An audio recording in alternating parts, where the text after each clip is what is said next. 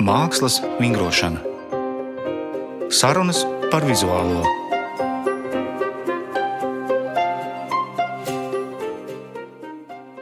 Mani sauc Vilnis Vējš, un šodien es kopā ar mākslinieku Andriu Brīži apspriedīšu cita mākslinieka Kriša Salmaņa izstādi konstrukcija galerijā Alma, kur pašaizliedzīgi vada Astrīda Viņa.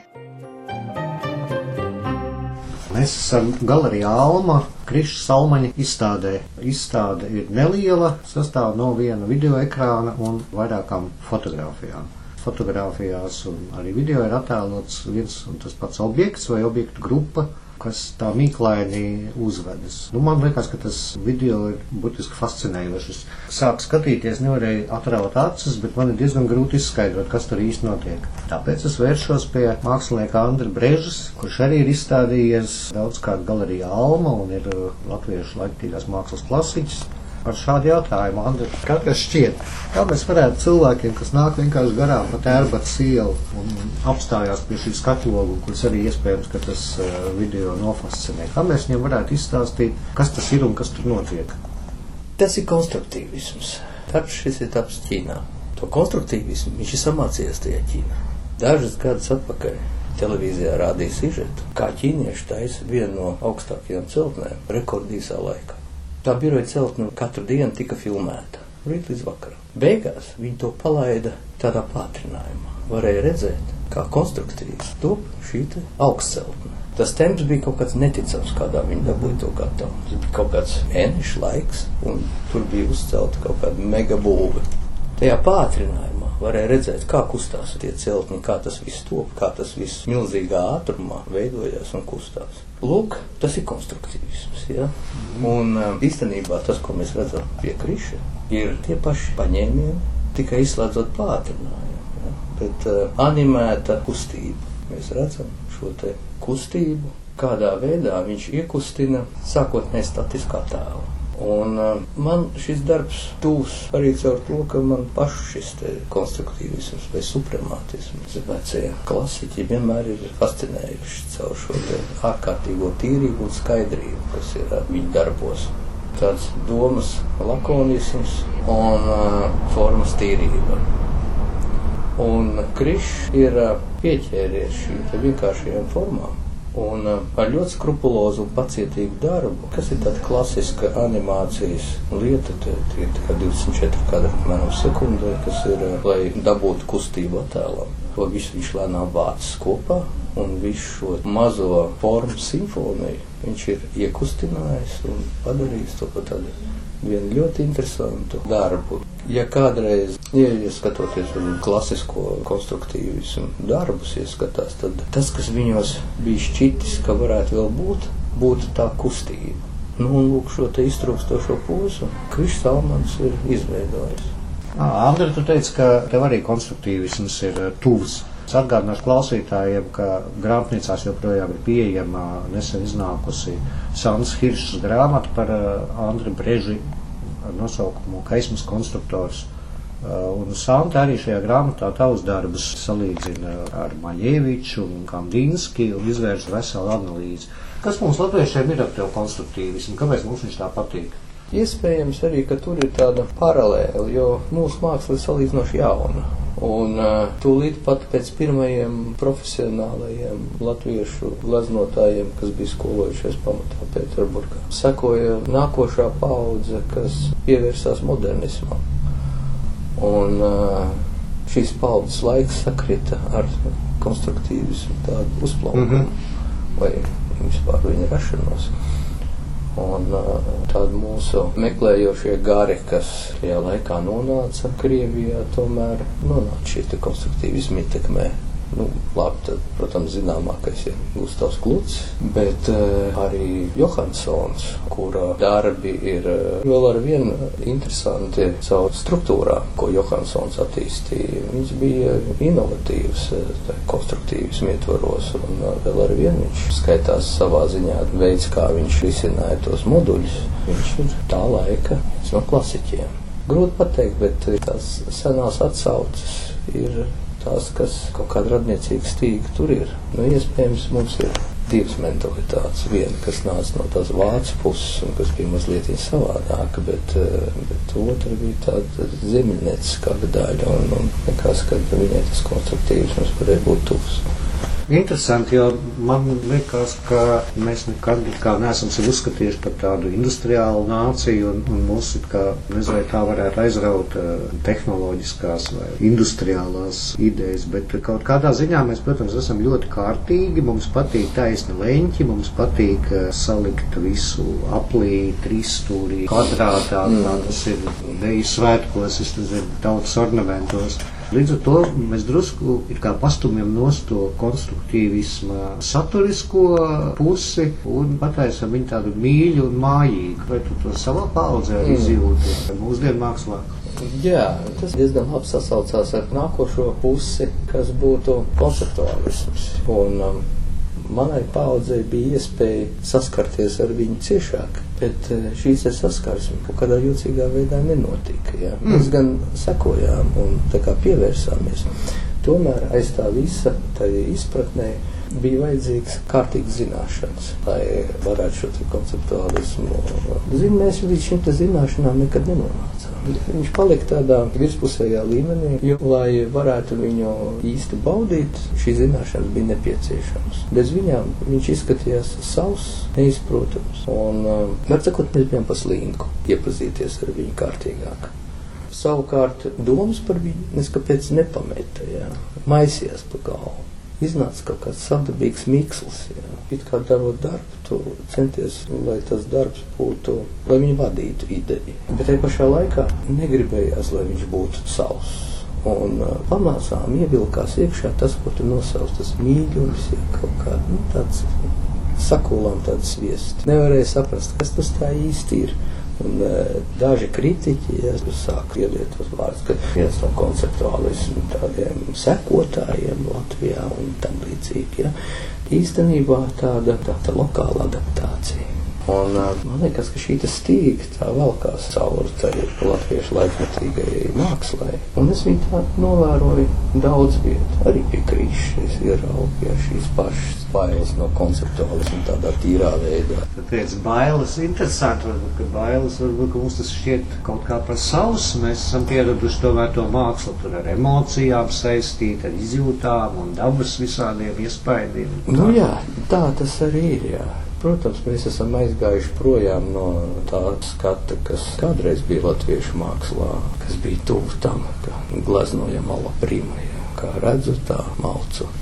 Protams, ja pasaule būtu bijusi atvērtāka un mēs neskatītos uz viņu caur restot logu, droši vien būtu daudz kas savādāk. Ja uz viņu paskatās arī, kas notika brīvajā pasaulē, kuram šis restotais loks netraucēja, tad mēs šo te ainu iegūstam līdzīgu. Mēs varam apskatīties Amerikā uz Sigurdu Vīdzirksti. Ļoti interesants mm -hmm. glaznotājs. Viņš bija tik modernists. Viņi varētu saukt par konceptuālu mākslinieku paskatoties, mēs ieraugām atkal to pašu konceptuālismu, ko mēs tikko runājām. Viņam cauri iet tā latviešu vēlme šo darbu padarīt emocionālu. Andri, tu esi arī bieži redzams izstāžu atklāšanās salīdzinoši un, un seko līdz procesiem. Un varbūt liekot mierā tagad Krišs Salman, kurš ir tāds stabila video paudze un, un titulēts mākslinieks, nu, tagad mūsu mākslinieks spicē, ja, Tu redzi arī, ko dara jaunāki mākslinieki. Vai mēs varam par tādu latviešu laikmatīgās mākslas tradīciju arī runāt, vai tie iespēja tomēr nāk joprojām tā, kā tas vienmēr ir bijis, nu, ārzemēm? Jā, nu, pamatā no ārzemēm viņš arī turpina nākt. Es domāju, ka tas tā arī būs. Un tagad, protams, ir savādāk. Tas tehnoloģijas ir kārtīgi izmainījušas vispār visu, gan sākot no skolu apmācības, beidzot ar to, ka ir izaugusi paudze, kas ir izaugusi jau ar tehnoloģiju kamēr es, piemēram, mācoties, prātā nevarēju ienākt. Fundamentāls tādas izmaiņas caur tehnoloģiju ienākšanu un vispār caur pašām tām tehnoloģiju rašanos. Tās ir pamatīgi izmainījušas vispār cilvēkus, viņa domāšanas veidu, veidu, kā viņi strādā. Un, ja es biju tajā paudzē, kur jau bija nobriedusi, tad, kad tā tehnoloģija parādījās. Tad, kad mēs pirmoreiz nonācām ārzemēs, mēs īstenībā ieraudzījām tos kompjūterus. Kompjūteri jau arī bija salīdzinoši nesen parādīti. Mm. Mēs esam attīstījušies paralēli tam visam. Tikai, ja es jau biju tāds izveidojies un man šī te tehnoloģija vairs nebija tāda, kas mani dzītu uz priekšu, tad lūk jau krišu paudze, jo šī te tehnoloģija jau spēlē ļoti būtisku lomu. Viņi, viņi ir labi apguvuši un uh, ar viņu patiešām arī strādāja. Tad tagad tā nākošā ģenerācija, kas nāk, nu, tie jau tādi, kas uzauguši, ja vēl krišu vēl apmācībā vēl sastapās ar kaut ko pavisam tradicionālu, tad pat labāk, bet tie jaunie cilvēki, kas līdz viņiem vispār domā pavisam savādāk. Un atklāt sakot, es pat neizprotu, ja kā viņi to dara. Un kas ir tie viņu dzēnuļi, kas viņus kustina vispār.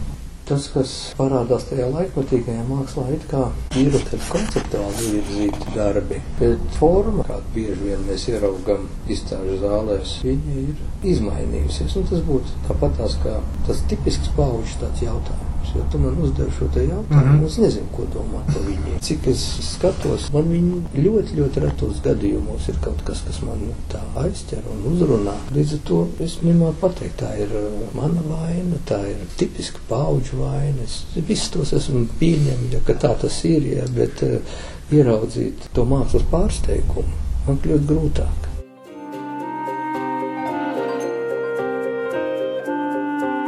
Mākslas vingrošana.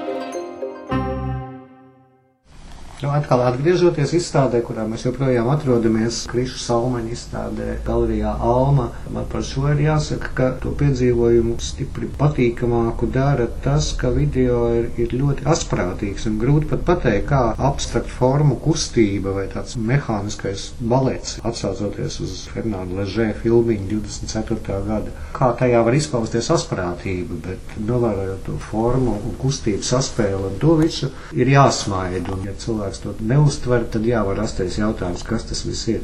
Bet uh, attiecībā uz asprātību, tu arī esi ļoti asprātīgs mākslinieks. es nezinu, cits vien.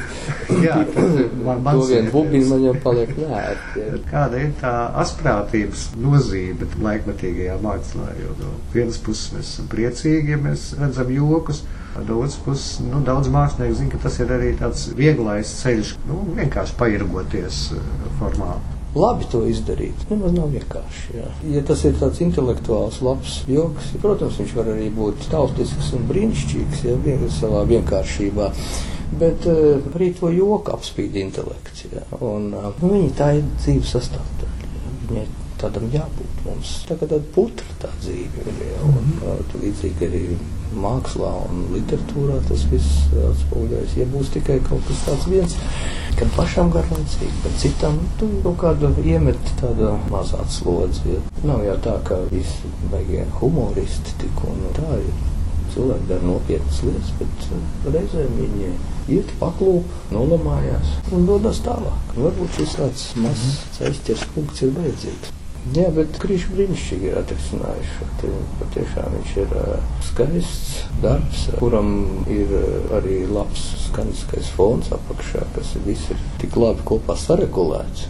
Tikai par laimi atšķirībā, ja mēs to varētu iedomāties kaut kādā mehāniskā veidā, viņš visu laiku būtu jāremontē. Ja, kamēr, piemēram, Jā. šis brīnišķīgais video materiāls ļauj viņiem vienkārši strādāt nevainojami. Jā, bija pārsteigts ieraugot to. Likās, ka lūk, izcili izdarīts darbs. Skaidrs formā un, un lielisks ar savu vizuālo un skanisko pusi kopā.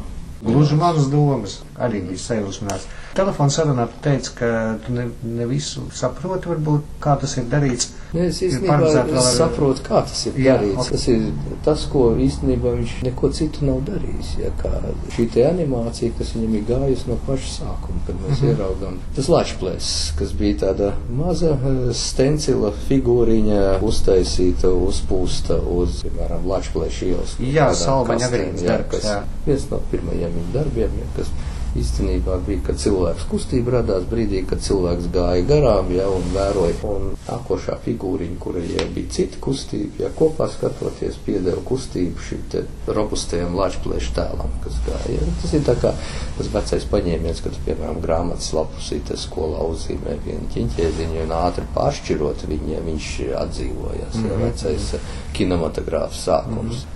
Nu, tad lūk, šis te paņēmiens ir caur tiem viņa darbiem lielākoties ir darbojas tieši ar šo te animētās kustības palīdzību. Jā. Un šeit mēs redzam šī darba tādu vienu no tām apateozēm. Šīs te animētā kustība ir iedevusi savādāk statiskajiem priekšmetiem dzīvi. Vēl viens tāds papildus elements ir tas, ka šie vairodziņi, kas ir parasts gofrēts kartons, jau var redzēt, ja, ka viņš ir vienkārši. Bet, nu, viņi varētu arī nosaukt par glezniecību, ja to, ko mēs redzam, tādu laikmetīgo glezniecību, jā, lūk šādi viņi ir. Viņš ir vienkārši nevis nokrāsojis tur glūdus kaut ko paņēmis, bet viņš ir iedevis šim te triepienam tādu emocionālu un uh, regularitāti, ar kādu viņš tā ir uzlicis šo stafāžu, ja, kas tur šos krāsotos kvadrātus vai taisnas stūrus. Interesantā veidā sasaucas ar to vietu, kurā viņš ir radījis. Proti ar Ķīnu tas kārtīgums, kā viņi ir. To varētu nosaukt par tādu armijas disciplīnu, ja, kas lielā mērā raksturo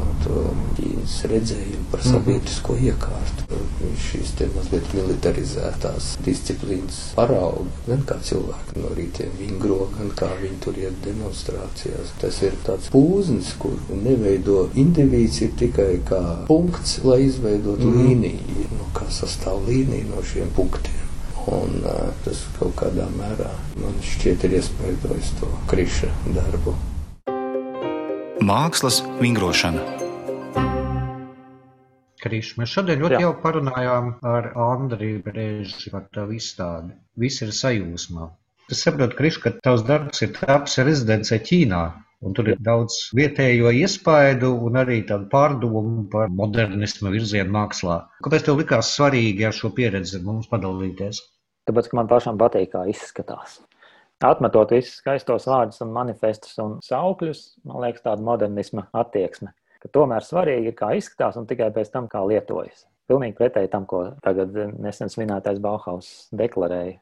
Viņi to starp citu bija nočiepuši no kāda amerikāņu arhitekta Salivana, kurš to bija definējis 19. gadsimta beigās, 896. gadā laikam. To, ka forma seko funkcijai. Ja tā paskatās uz tādām modernisma spilgtākajām ēkām, bieži vien nu, viņas ir ļoti skaistas. Man ļoti patīk, kā izskatās. Bet, nu, teiksim, tā ir Herita Rītfelda skaistajā kantainajā mājā, ko viņš pats sev uzbūvēja kā tādu paraugu, visas baltas, taisnos leņķos ar melnu, un sarkanu, un zilu un zeltainu kaut kādās noteiktās samēros. Logi verās uz āru un tikai 90 grādu leņķī. Nu, tad ej, nu, nomazgāt tādus. Nu, vai tur teiksim, bija kaut kādas slavenas ēkas, vai ne, kas ir ar skaistām stikla fasādēm, bet uh, ierīkotas tā, ka nu, viņas darbojas nevis kā bezpajumtnieku patvērtnes, kas ir tā it kā funkcija, bet kā siltumnīcas. Visi tie, kas tur iekšā, tie uzvārās. Man šķiet, ka bieži vien tās lielās utopiskās definīcijas, kas modernismam ir raksturīgas, manifesti un tā, ja tiem mēģina pakļaut dzīvi, tad rodās kļūdas.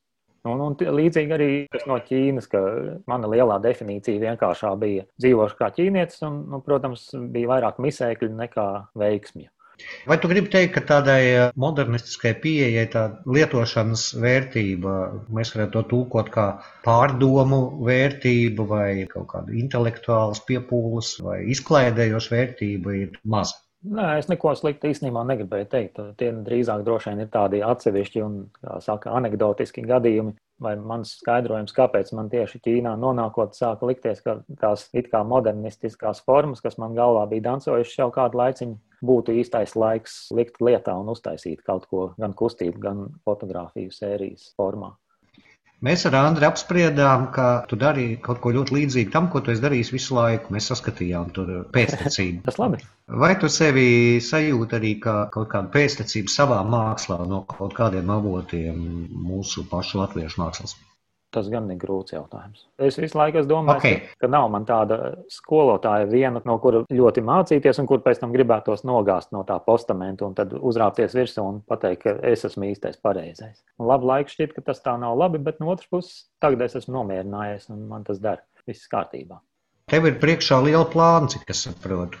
Nu, neskaidri plāni, kā jau piederās laika apstākļiem. Tu domā, Kim rezidents balvu Ņujorkā? Jā, nu, neko vairāk mēs nezinām, ka tā balva ir piešķirta un ka rezidents darbojās arī šobrīd, bet attālināti. Un es ik pa brīdim sazinos ar Kim, un Kim ik pa brīdim sazinās ar Ņujorku. Neviens nezina, vai tiešām būs šovasar vai labāk nākošais vasar. Un vienīgais, ko es skaidri zinu, ka diez vai gribētos attālināt rezidents Ņujorkā.